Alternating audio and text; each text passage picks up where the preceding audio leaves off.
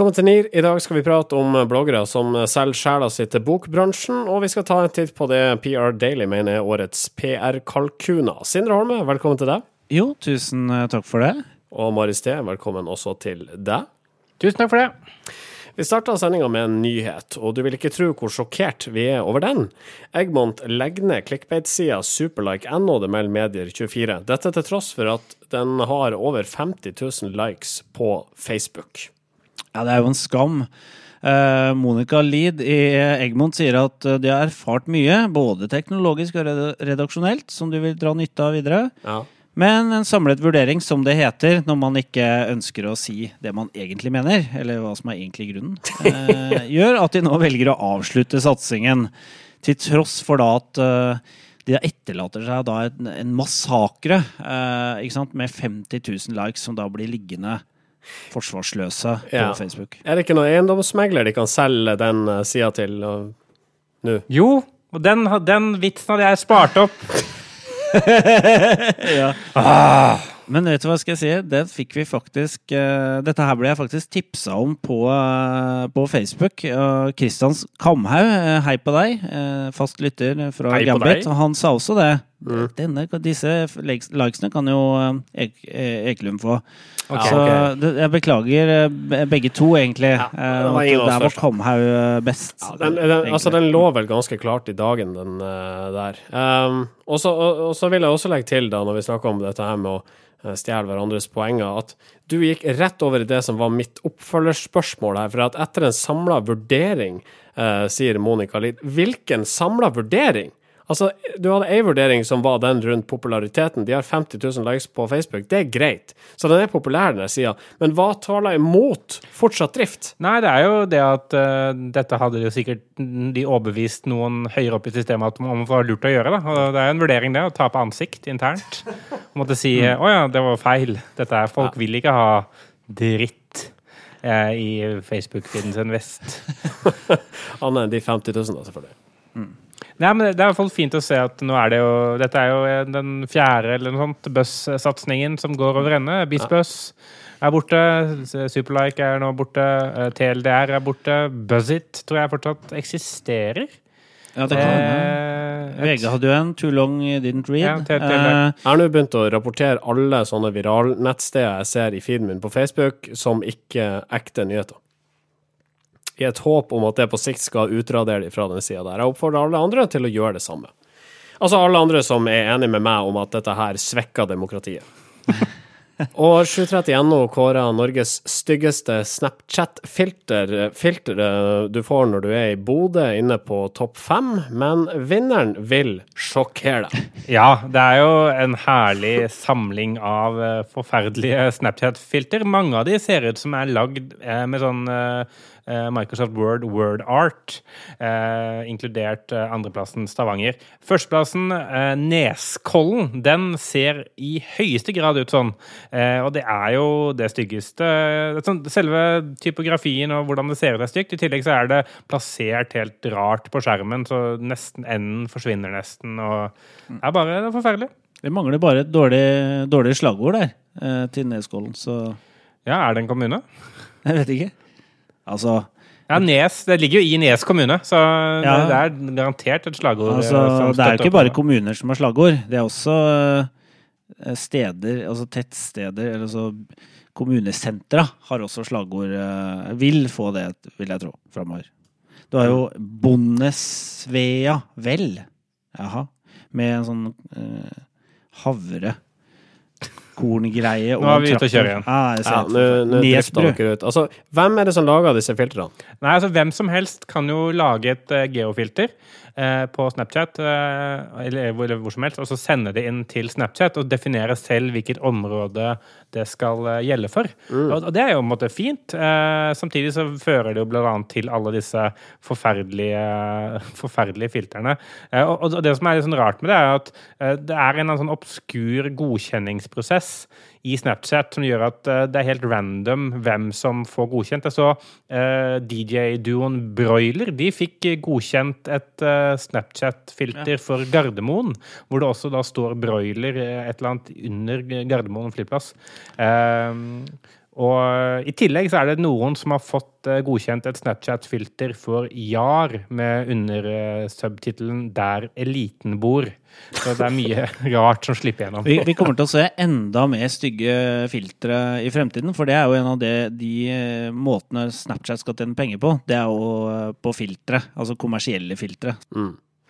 Um, vi har prata oss sånn noenlunde varm. Jeg sier hjertelig velkommen til NIR episode 131. Norske informasjonsrådgivere.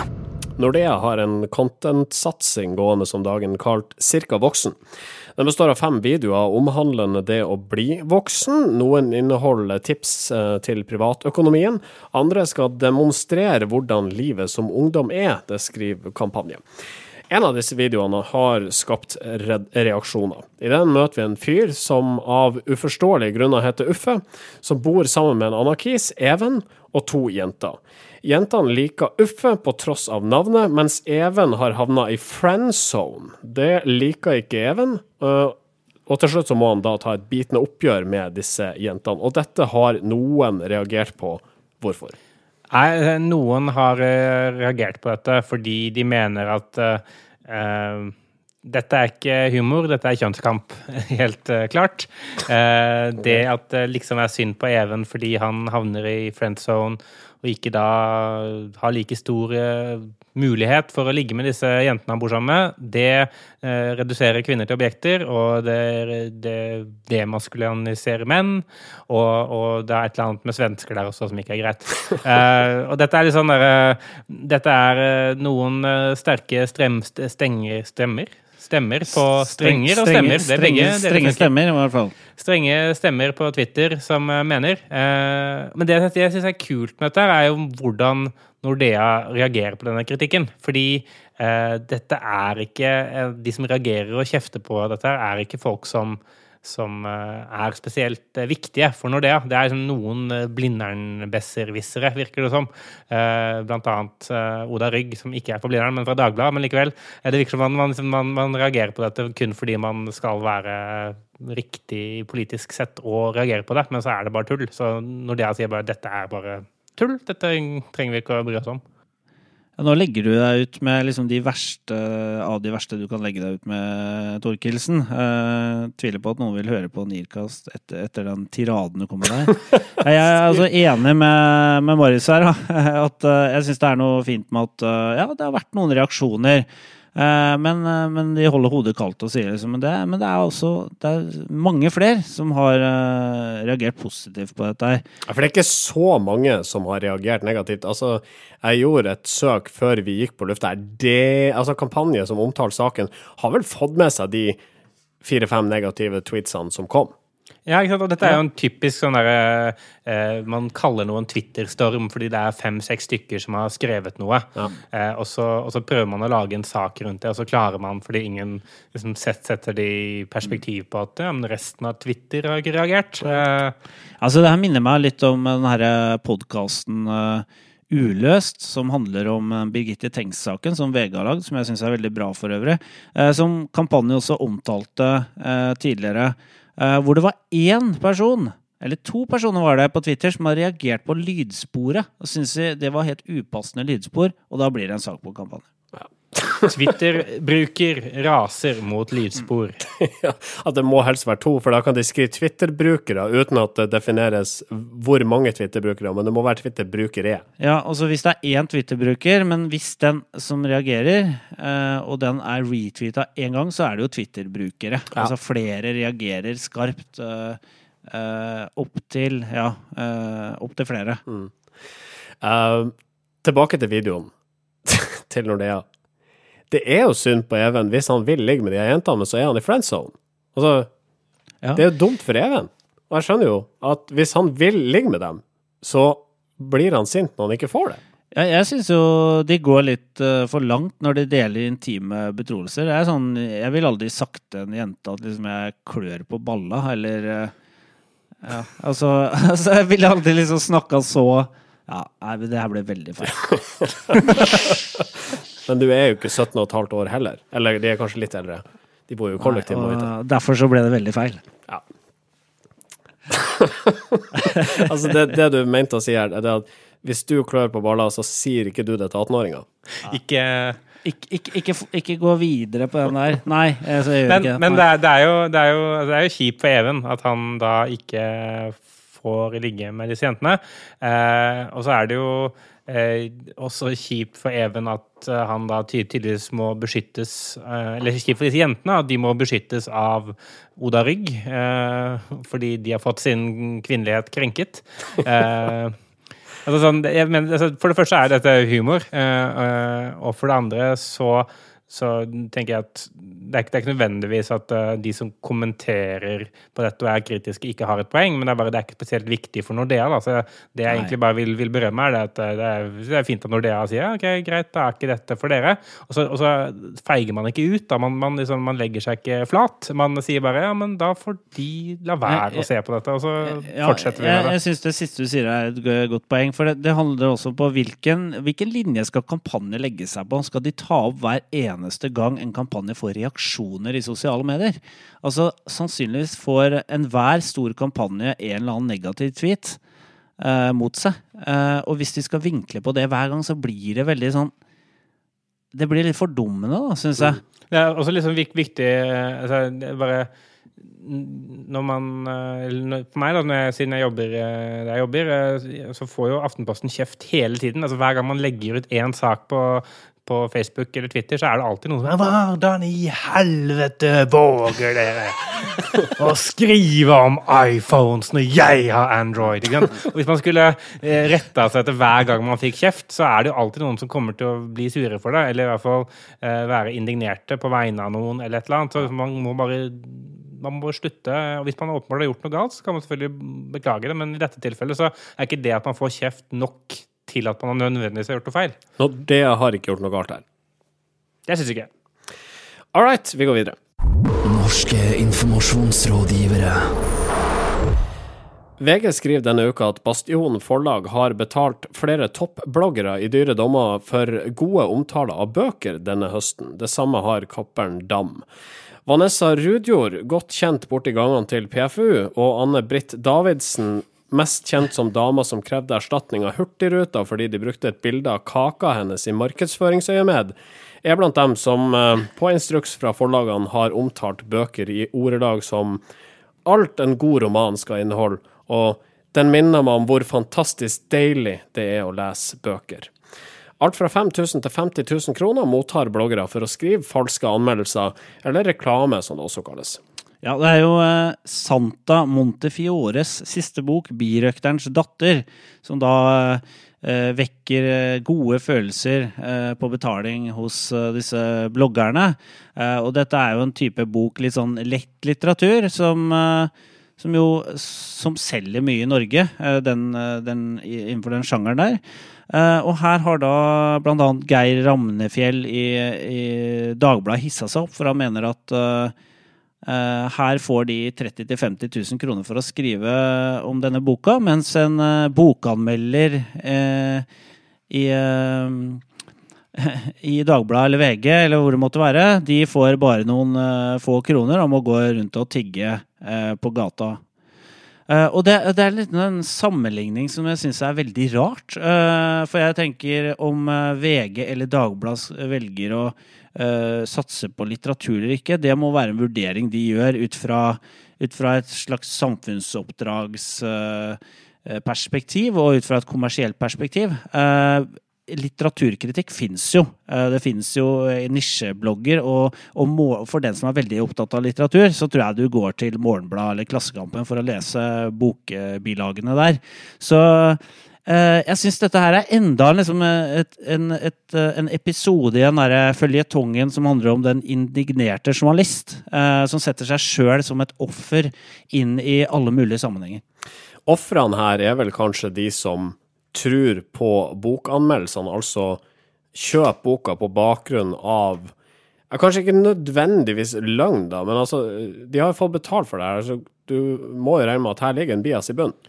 Ja, altså, eh, sånn som eh, forlagene og bloggerne eh, vinkler dette, så sier jo det at vi anmelder kun bøker som vi selv synes er bra.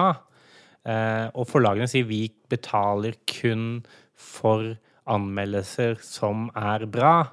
Eh, som betyr det at her må bloggeren lese hele boken eh, gratis, skrive anmeldelsen gratis, og så kanskje få betalt.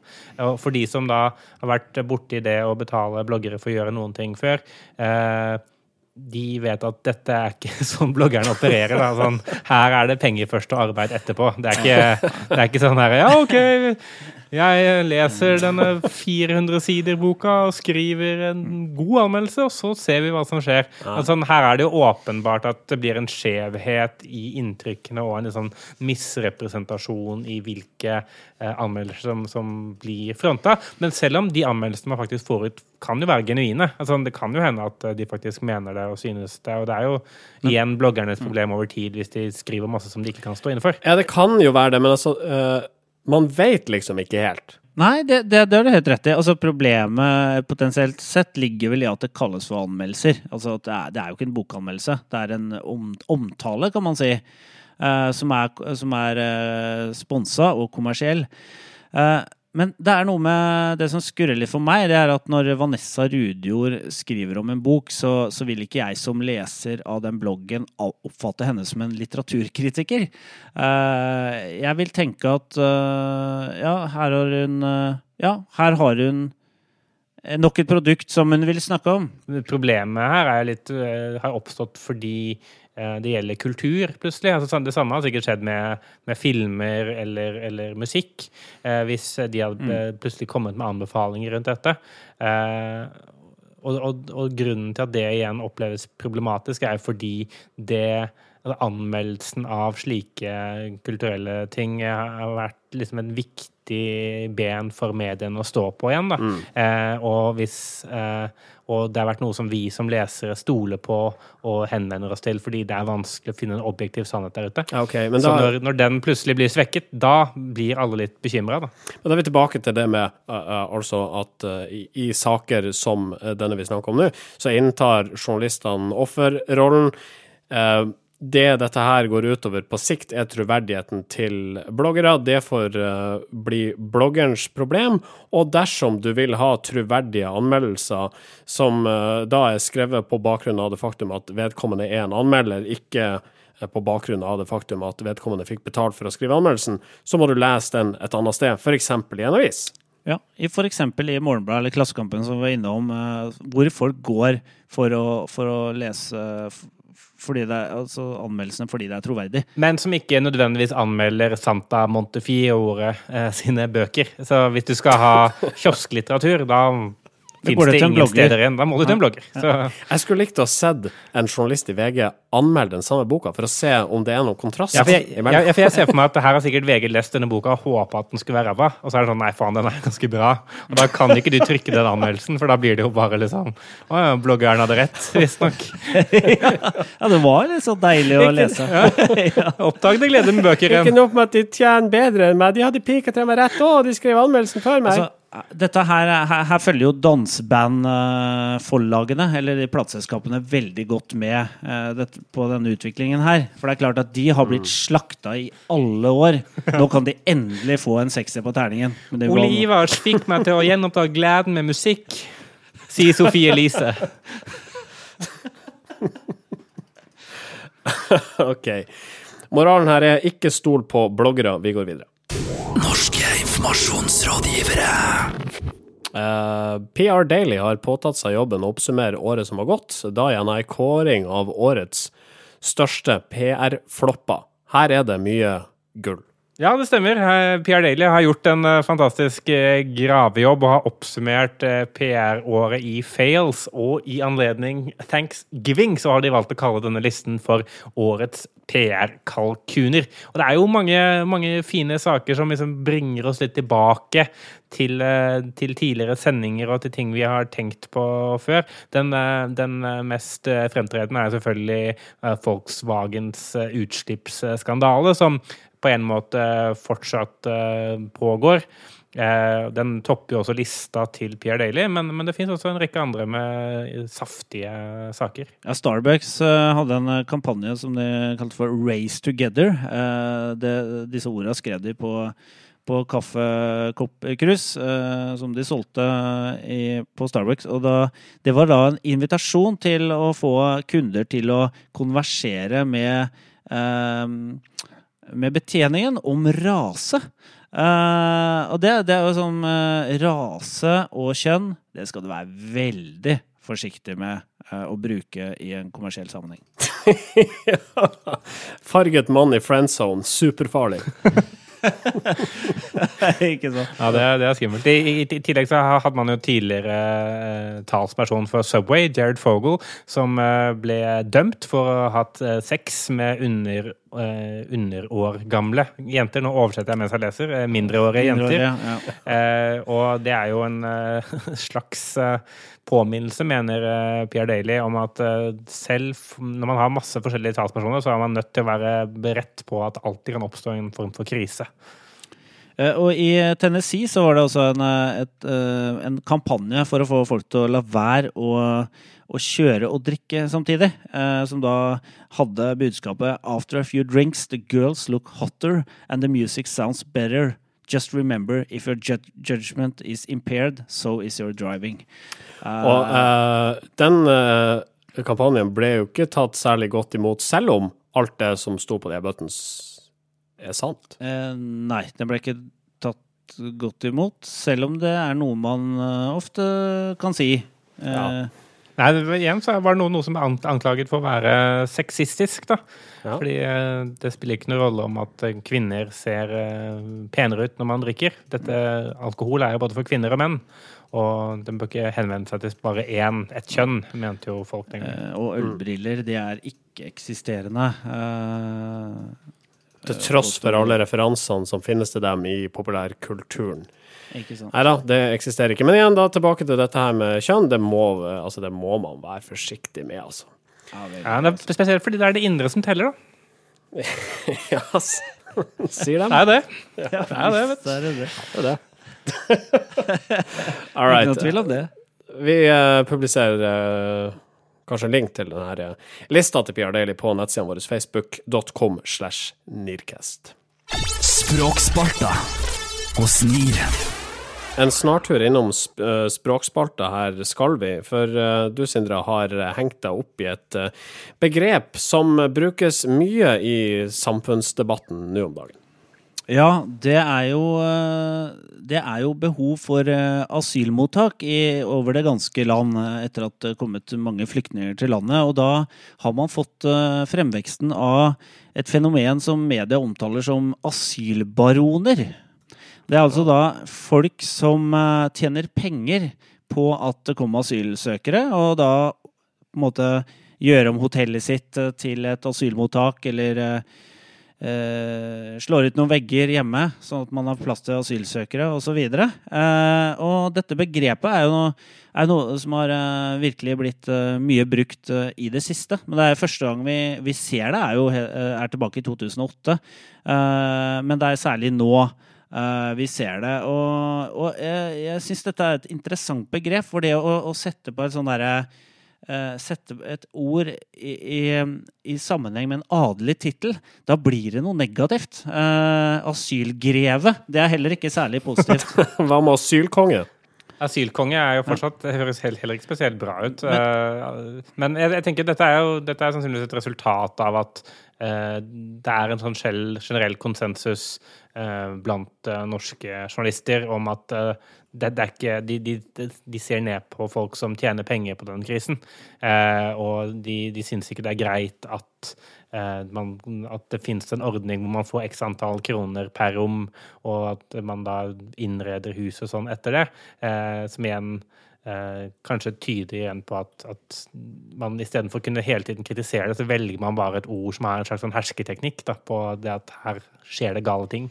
Altså, jeg tenker også at i Norge særlig, sånn, hvor eh, adelen ble avskaffa på 1300-tallet, så er det med å bruke sånne titler Det er noe forhistorisk. Det er noe man, man, man hever seg over eh, Man prøver å, å liksom bli noe mer enn det man egentlig er, ved å tjene veldig mye penger på en litt sånn fishy måte. Uh, og jeg ser at uh, dette er jo så begrep som er brukt mye i Sverige, og det er noen fantastiske titler, noen nye titler, avistitler, som har dukka opp i media.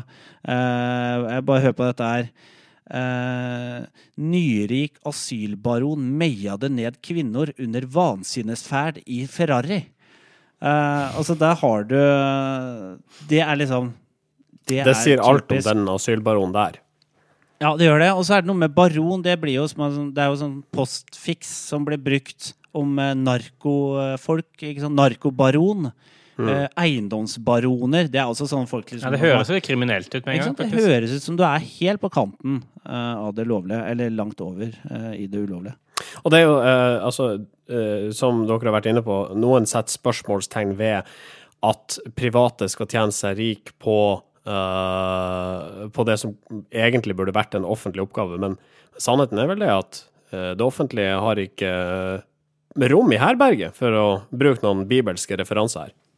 Nei, det er ikke det. Og dette er jo eh, dette er jo et resultat av privatisering generelt sett, på en eller annen måte. Altså, du kan snakke om liksom, da, eldre- og pleiehjemsbaroner eller uh, ikke, dagligvarebaroner. Man kan tenke at det burde vært det offentliges oppgave gitt oss mat også. Eh, Vi trenger det for å overleve.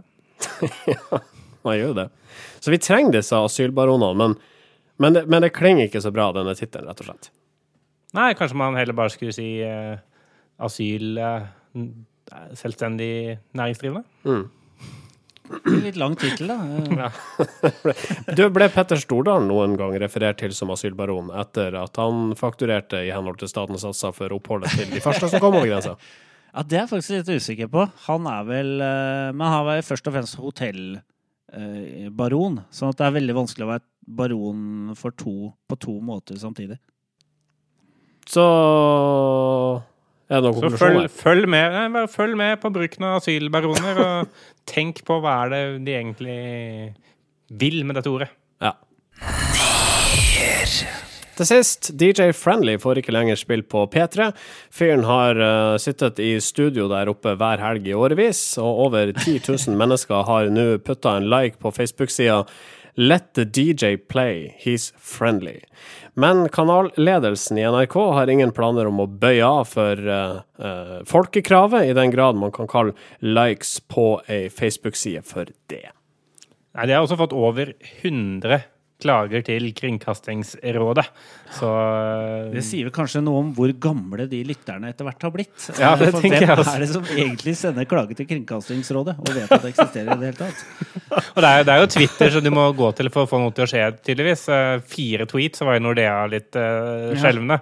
Men liksom 100 klager til et råd, som at Borch Bugge er bare sånn Ja, OK. Ja, det, ja vel. Da Vi kommer ikke til å gjøre noe med det. Vi, vi driter i det. Uh, vi er statsfinansiert uansett, så det, det bryr ikke vi oss om. Men det som jeg må, er litt fascinerende med NRK, det er jo at de er veldig tro mot uh, strategien sin. Alltid. Altså, de la jo ned Lydverket også for uh, noen år tilbake.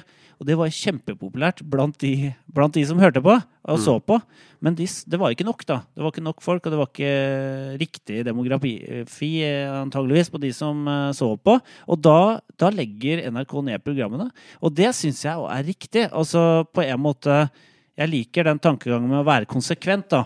Eh, Men det, det, jeg syns er litt sånn rart eh, med, med nedleggelsen, er hvordan radiosjef i NRK Marius Lillelien eh, til Kringkastingsrådet forsvarer seg. fordi Han blir spurt om liksom, hva er bakgrunnen for beslutningen, og det er fordi eh, de ønsker å flytte midler eh, fra eh, radiosenderskjema til eventproduksjon i NRK. Ja, Eh, og at de ønsker å lage mer sånne eventer som P3 Gull og P3 Aksjon og Festivalsommeren osv.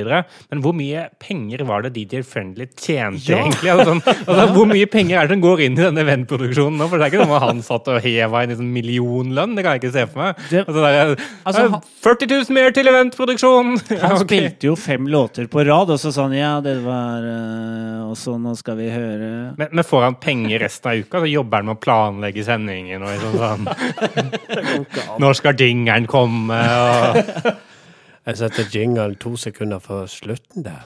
jeg har lagd en ny jingle. Nei, Ja, få høre, da. DJ friendly. Li, li, li, li. er ikke det samme jingeren med Dekko?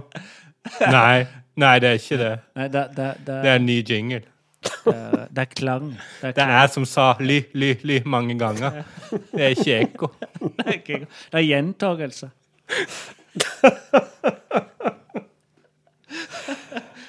uh, jeg tar høyde for at jeg tar feil når jeg antok at han var fra Kristiansand. Det vet jeg egentlig ikke. Det er mye gøyere at han er det. Ja, det er sant, det. Eh, apropos det her med eh, altså NRK-standhaftighet, og apropos folkekrav. Voksne menn og kvinner med barn de ønsker skal bli eksponert for akkurat den samme underholdninga de sjøl ble eksponert for da de var kids, fortsetter dette gnålet om NRKs adventskalender. Statskanalen har bestemt at i år skal vise Julekongen, eh, men det er ikke godt nok. Nei, disse voksne menneskene vil heller ha jul på Månetoppen, eller jul i Blåfjell, eller en gammel skomaker i en fiktiv by. Og nå har noen altså tatt initiativ til fakkeltog for å få sin favoritt sendt på TV. Ja, eh, den, Jeg ligger bare jo, av det. den ligger jo på YouTube. Eh, alle eh, julekalenderen ligger jo på YouTube. Ja, og, og mange av dem ligger jo på NRK sine nettsider òg. Jeg tror ikke Ja. folk vet hvor gørrkjedelig Tøflus eh, er. Altså utrolig kjedelig karakter. Ja, fordi Tøflus, det var det beste de klarte av spesialeffekter. Ja, ja, ja, ja. Den der, eh, ja, ja, den såla der, ja, det var, det var nyskapende i sin tid. En sko opp ned på ei hand. Det var det de hadde av spesialeffekter tilbake da eh, Juleskomakergata ble. Nål og tråd. Elsker eh, den. Ja. Vi kan vel konkludere med her på, på avslutninga at NRK står på. Jeg tror, jeg tror NRK faktisk Altså, jeg tror de folkene som sitter og definerer sendeskjemaet til NRK, jeg tror de vet litt mer om sendeskjemaer enn det vi andre gjør. De jobber med det. Altså, det er jobben deres. Det er å finne de beste programmene til de forskjellige målgruppene. Dette her vet NRK best. Ja, det, det tror jeg òg. Ja. Tommel opp for NRK. Tommel opp for NRK. Og uh, da passer det vel egentlig bare å uh, si takk for uh, denne gang. Vi er tilbake igjen om ei uke. I mellomtida, sjekk våre nettsider facebook.com slash Nearcast. Der kan du også høre samtlige episoder vi har spilt inn siden 2012. Um, og i neste uke så er det desember, gutter.